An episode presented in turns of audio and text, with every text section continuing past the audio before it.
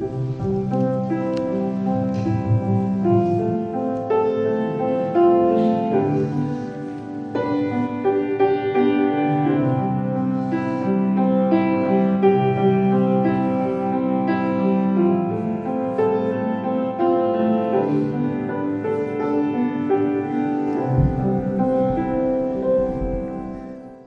wil vir almal welkom sê wat via die radio met ons saam is vandag. Ons is hier so 'n gemeente in Belwel Oos wat een verlange het en dit is om Jesus Christus as ons Here te eer. En ons wil vir u uitnooi, kom eer die Here saam met ons nou met sang.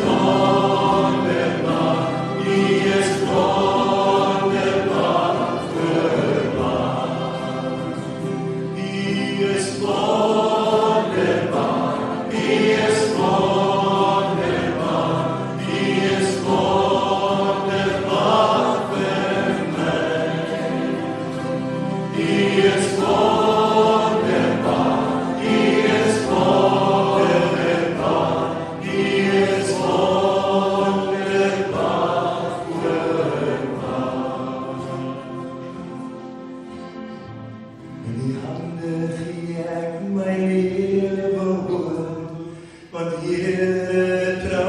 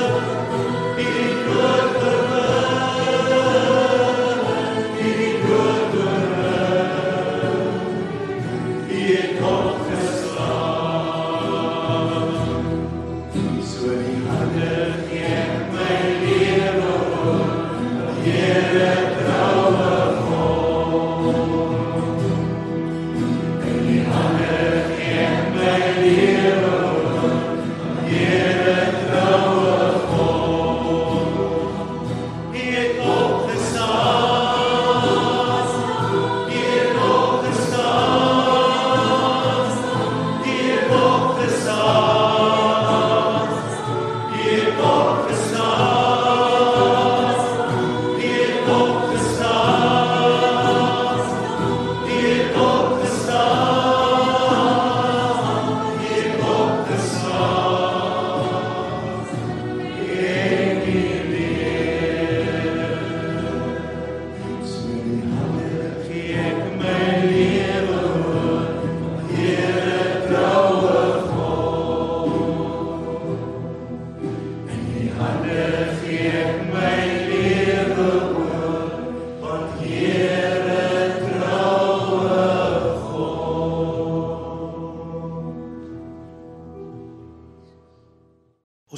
Skriflesing vanoggend is uit Psalm 138. Psalm 138. Ons wil eintlik net die hele Psalm kyk, maar ons gaan net 3 verse eintlik lees. Die dag toe ek geroep het, het U my verhoor. My moedig gemaak met krag in my siel. As ek te midde van benoudheid wandel, behou U my in die lewe. U steek U hand uit teen die toren van my vyande en U regterhand verlos my. Die Here sal dit vir my volëindig. U goedertierenheid, Here, is tot in ewigheid laat vaar nie die werk van die hande nie. Ons weet nie presies wanneer Dawid hierdie geskryf het nie. Ons weet dat hy in 'n geweldige benoudheid was. Hy sê, "Wanneer ek in benoudheid wandel en hou U my in die lewe." Sommige mense dink dit is toe hy vir Absalom gevlug het. Sommige weer waar hy vir ander vyande gevlug het. Ons weet nie. Wat belangrik was is wanneer Dawid hierdie Psalm skryf, dan is hy nog steeds in 'n moeilike situasie. Hy sit vas. Hy weet nie om deur te kom nie en dan bid hy dit. En ek vertrou regtig dat die Here deur sy Gees vanoggend hierdie woord sal lewend maak as ons vra Vader, maak hierdie woord lewend in ons harte en stuur die woord vanoggend vir wie U dit stuur. Ons vra dit in die naam van Jesus. Amen. 'n Vriend van my van Atlantis vertel vir my dat 'n paar weke gelede moes hy na troue gaan, 'n familielid se troue in Koffiefontein. Nou Koffiefontein is iewers in die Vrystaat en hy moes nie 'n heildronkie maar seënbede gee op hierdie paartjie by die onthaal. Maar die oggend reën dit verskriklik in Koffiefontein en elke een van die huweliksgaste sit vas daai oggend in die rooi klei van Koffiefontein. Selfs die bruid en die bruidegom. Hulle sê was so erg. Hoe meer hy probeer het met sy 4x4 om uit dit uit te kom, hoe meer het hy vasgegaan. Hulle wou omdraai. Hulle het gedink hulle moet op 'n manier dit herskeduleer. Hierdie gaan nie uitwerk nie. Hulle gaan nie deur dit kom nie. En toe hulle so moedeloos is, al die bruilofsgaste, selfs die bruid en die bruidegom, toe kom maar 'n klein trekkertjie aan en stukkie vir stukkie een vir een trek hulle uit. Toe hy dit vir my vertel, toe sê hy dit het net nog meer spesiaal gemaak want weet jy die seënbede wat hy gehad het was Jakobus 1 vers 4 wat sê dat die leidsaamheid van die Here gebruik hy tot volmaaktheid tot in ewigheid in ons lewe. En daai woord vir leidsaamheid beteken om onder die onderstes vasgeval te wees. En toe sit vir my so 'n lieflike beeld van kinders van die Here wat in hulle lewe in moeilike situasies sou kom en in die modder sou vasval. Selfs al is ons op pad na 'n bruilofsmaal van die Lam. En daarom as u 'n kind van die Here is volgens dis hierdie woord vir u. En ek weet die Here stuur sy woord nie onverrig nie. En dan wil die Here vir u sê, hou aan, moenie moedeloos raak nie. Die trekker kom om jou uit hierdie situasie uit ook te trek. Die trekker kom en hy gaan onverwags, verrassend jou uit help. Maar kom ons kyk na Dawid. Kom ons kyk na hom in hierdie krisistyd. Dawid sê ek wandel binne in benoudheid. Ek voel vasgedruk. Die woord wat daar gebruik word vir benoudheid. Die Engels vertaal dit as trouble is eintlik 'n woord van om op baie nou plek vasgevang te word. Jy weet daai benoudheid, daai ding wat jou so benoud maak, al die wind is uit jou seile uit. Ken jy dit? Ons het altyd hoopie gelê in die laerskool. Hoopie lê was 'n speletjie.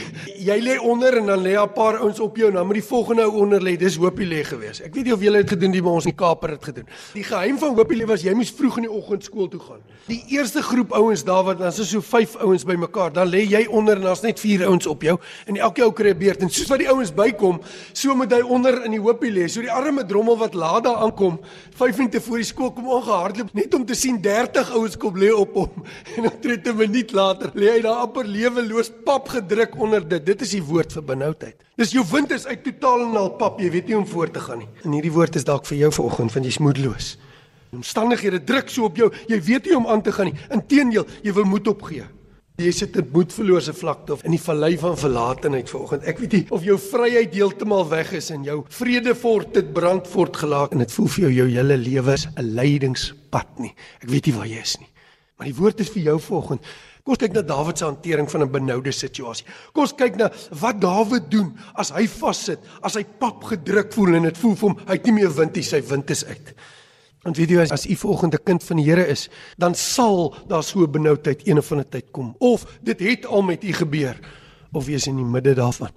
Praat met jou volgende wat in die middel van 'n ding is en dit voel vir jou, dit hou net nie op nie. Het jy al so gevoel? Jy weet hoe dit gaan en die Here wil vir jou sê moenie moed op nie. Kyk 'n bietjie na Dawid. Kyk na sy hantering. Ek lees dit weer vir u. Hy sê as ek te midde van benoudheid wandel, dan hou u my in die lewe.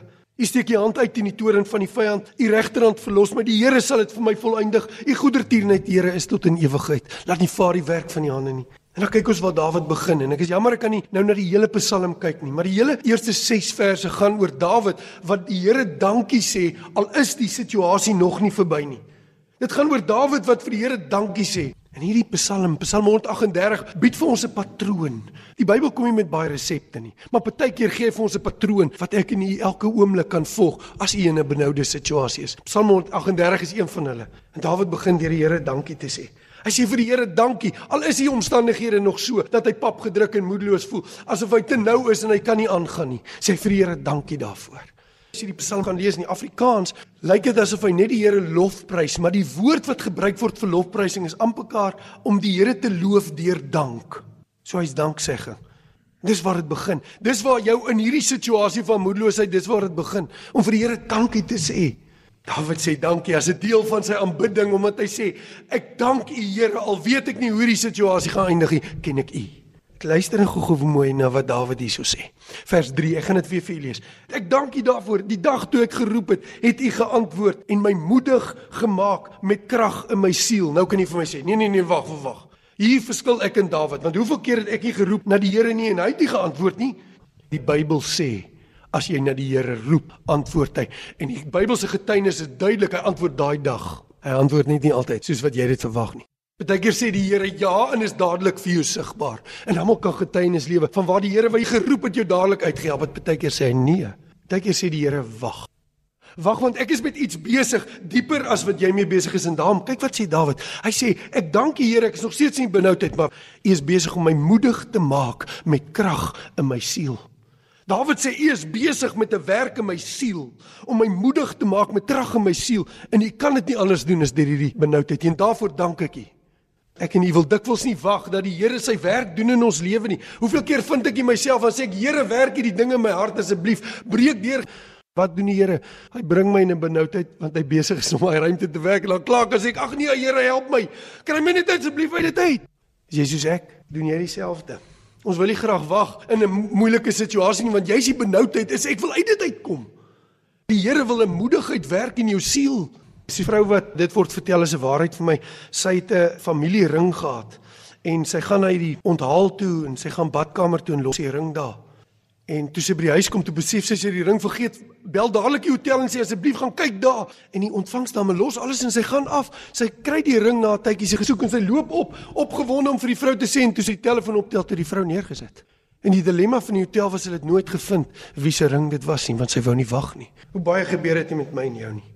Weer die Here is besig om iets met jou te werk. Tyd terug hier oor die Desember is ek weer besig om met my vrou oor en oor deur 'n ding saam te bid, 'n moeilike situasie waarin ek was. En op 'n stadium sê sy vir my, "Miskien moet jy net die Here begin dank vir dit wat hy doen in jou lewe in hierdie tyd."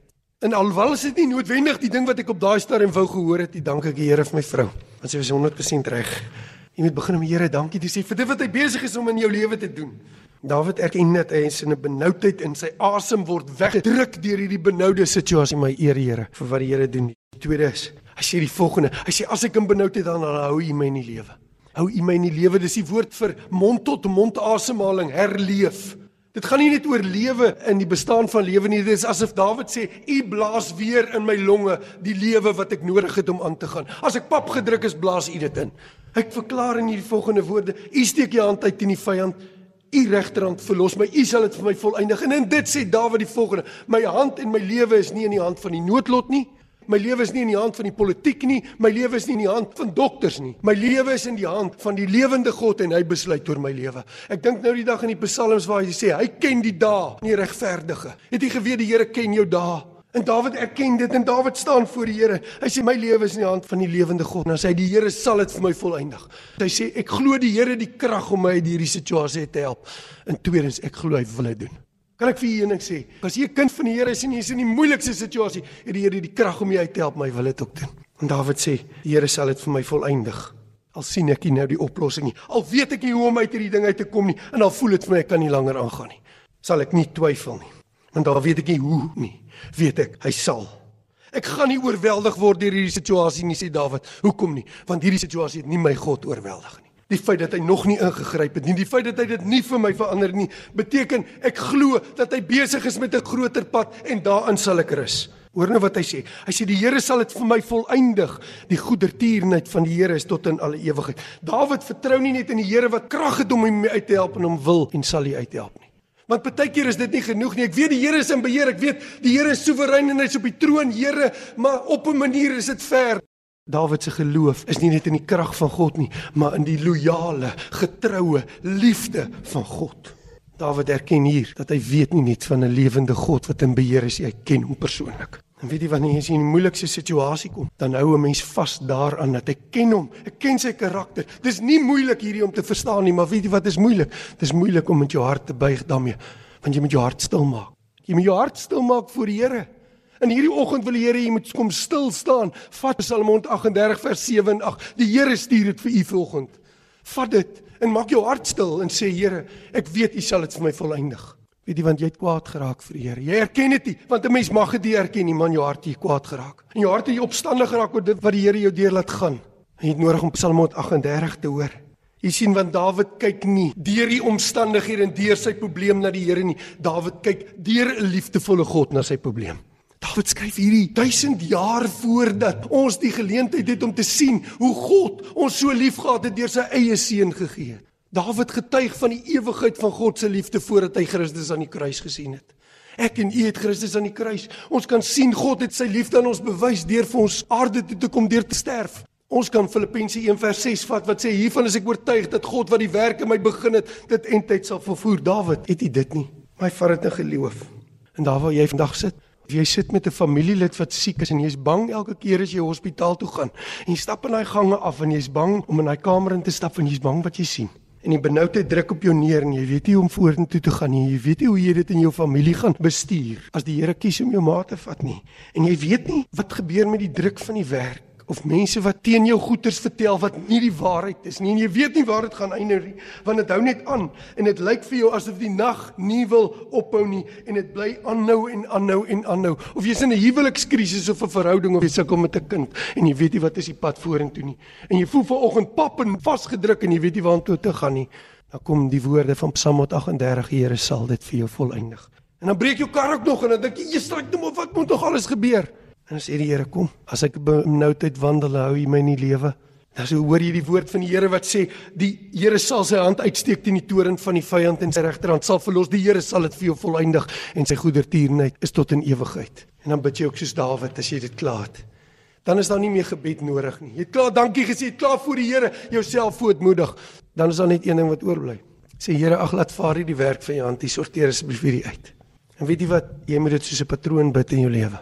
Vir 'n oomblik voel jy die druk kom van jou bors af, vir 'n oomblik voel jy ligter, maar jy weet nou 10 minute na hierdie boodskap gaan dit weer kom. Weet jy wat, dan moet jy weer die Psalm oopmaak. En dan moet jy dit weer vir die Here hou totdat die deurbraak kom, want so seker soos wat Dawid gesê die Here sal dit volëindig, het hy dit gedoen. Dawid sê aan die einde van sy lewe, alles was vir my gereël en verseker. Ook Psalm 38 se probleem, wat dit ook al was. Jy sien die probleem lê nie vanoggend in die getrouheid van God en sy liefde nie, want dit is waar. En dit is genoeg om daarby te staan. Maar weet jy wat wat 'n benoudheid doen is dit 'n benoude situasie wys vir jou nie noodwendig altyd van God nie, wys vir jou meer van jouself.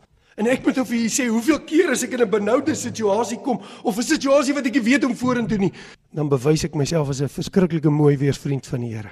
Dit is lieflik om te sê gloria haleluja van alles goed gaan, maar dis wanneer dit benoud raak en jy sien nie die pad vorentoe jy raak kwaad oor dit wat mense aan jou doen wat vir jou lief is dan is dit moeilik. Jy sien wanneer die bewys vir geestelikheid in 'n verhouding met die Here lê nie in godsdienstige goeders of al die antwoorde of selfs kerkbywoning of om deur te gaan en die regte dinge te doen op die regte tye in jou lewe nie die bewys daarvan raak. Dat wanneer jy valslik beskuldig word, dit voel asof jou keel wil toeslaan en jou maag maak sulke gevaarlike skoenlappers asof dit omdop en jou maag kry so naheid wat opstoot in jou mond want jy weet waarvoor hulle kom, maar jy weet nie wat om te verwag nie. Jy was so baie keer aan Getsemane en so baie keer al voor die Here hier gestaan met trane, maar hierdie keer as jy van jou gebede af opstaan, dan sien jou naaste vriende is aan die slaap. Hulle het nie die vaagste benul waardeur jy gaan nie. Hulle het nie die vaagste benul wat op jou wag nie. Hulle weet nie. Jy sien Jesus wil hê ons moet dit verstaan. Hy wil hê ons moet verstaan dat dit gaan nie net oor die luiheid van sy disippels of wat vaag was of wat nie 'n uur kom bid nie. Dit gaan oor dat hulle nie 'n vaage benul gehad het van wat hy deurgaan nie. En selfs jou naaste vriende nie dit weet nie. Hulle kan nie verstaan hoe jy voel nie. Hulle stap vir jou nie verbygaan en sê ons sal vir jou bid en woeps aan die wêreld aan. Jy is in 'n doodsangs en hulle verstaan nie. Die skare kom nader. In die koel aand kan jy sien hulle asems wat warm teen die koue lug bots en dit lyk asof hulle rook uitasem. Hulle kom en hulle slaan hulle hande aan jou. Hulle bind jou hande vas, die hande wat niks anders gedoen het as om kindertjies vas te hou of om melaatse mense aan te raak en te genees nie. Die hande wat hy op blinde se oë gelê het, die hande wat op siekes gelê het en genees het. Daai hande word vasgebind. Die voete wat gestap het waar hy moes stap, word gedryf af in 'n hof verhoring waar hom vals op vals op vals beskuldig. En dan jaag hulle hom aan en hulle gesel hom dat die hale lê en die bloed drup terwyl hulle besig is om te bespot en hom vals te beskuldig. En sy gemeenskap met die Vader is totaal vrede. Hy sê niks nie. Hy stil voor sy skeerders. Al beskuldig hulle hom, doen hy niks nie. Want 'n tyd van benoudheid openbaar jou verhouding met die Vader. Hy voel hy moet opstaan, hy moet iets doen. Hoekom verdedig hy nie homself nie? Iemand moet iets sê. Waar is die mense wat opspring en sê wag wag hierdie ou is onskuldig? Wanneer hulle sê hy's godslasterlik, waar's Bartolomeus wat hy 2, 3 dae terug se oë genees het? Hoekom staan hy nie op en sê nee, hierdie man is die regte man nie?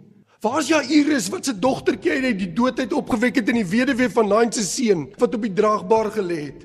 Waar's een van die melaatses, net een van die 10 wat teruggekom het? Hoekom staan hy nie op en skree en sê wag, julle die verkeerde ou hier beet nie? Kom staan hy alleen? Hoekom is hy alleen? Waar sy vriende? Nee, ons sien 'n stil fokus.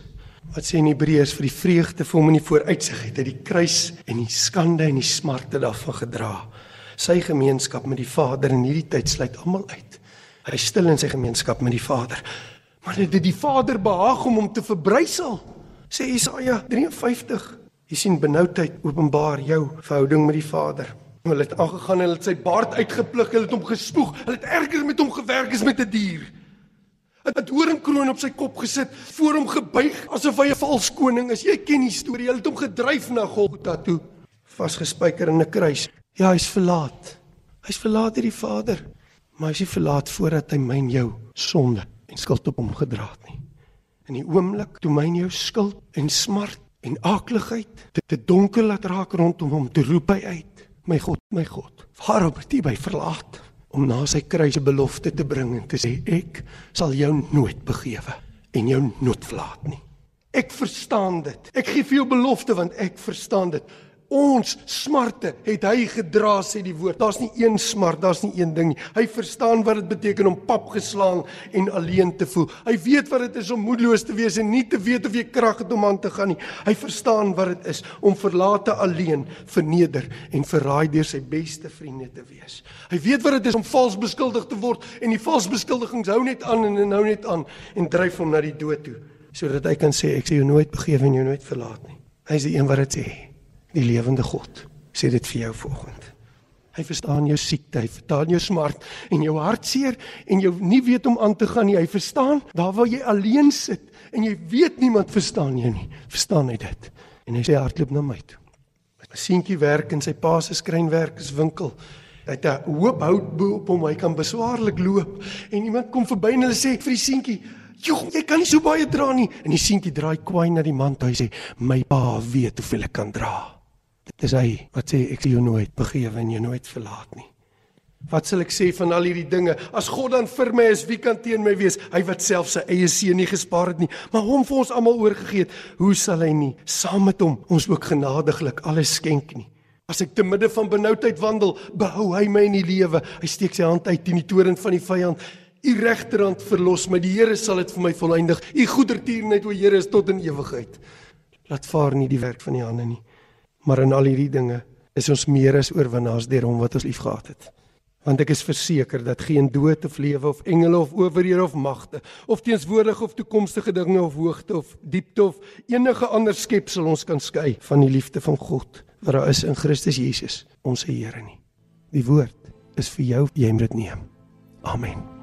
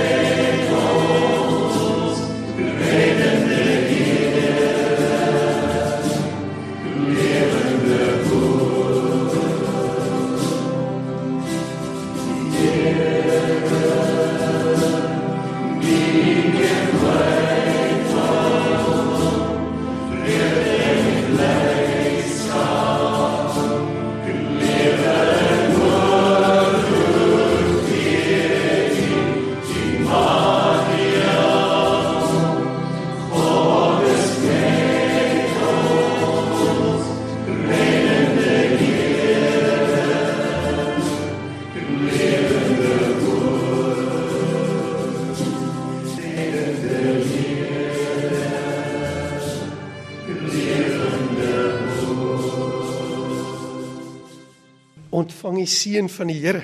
Die Here sal jou seën en jou behoed. Die Here sal sy aangesig oor jou laat skyn en jou genadig wees. Die Here sal sy aangesig oor jou verhef en aan jou sy vrede gee. En nou mag die genade van ons Here Jesus Christus en die liefde van God die Vader en die gemeenskap van die Heilige Gees met jou wees en bly. Amen.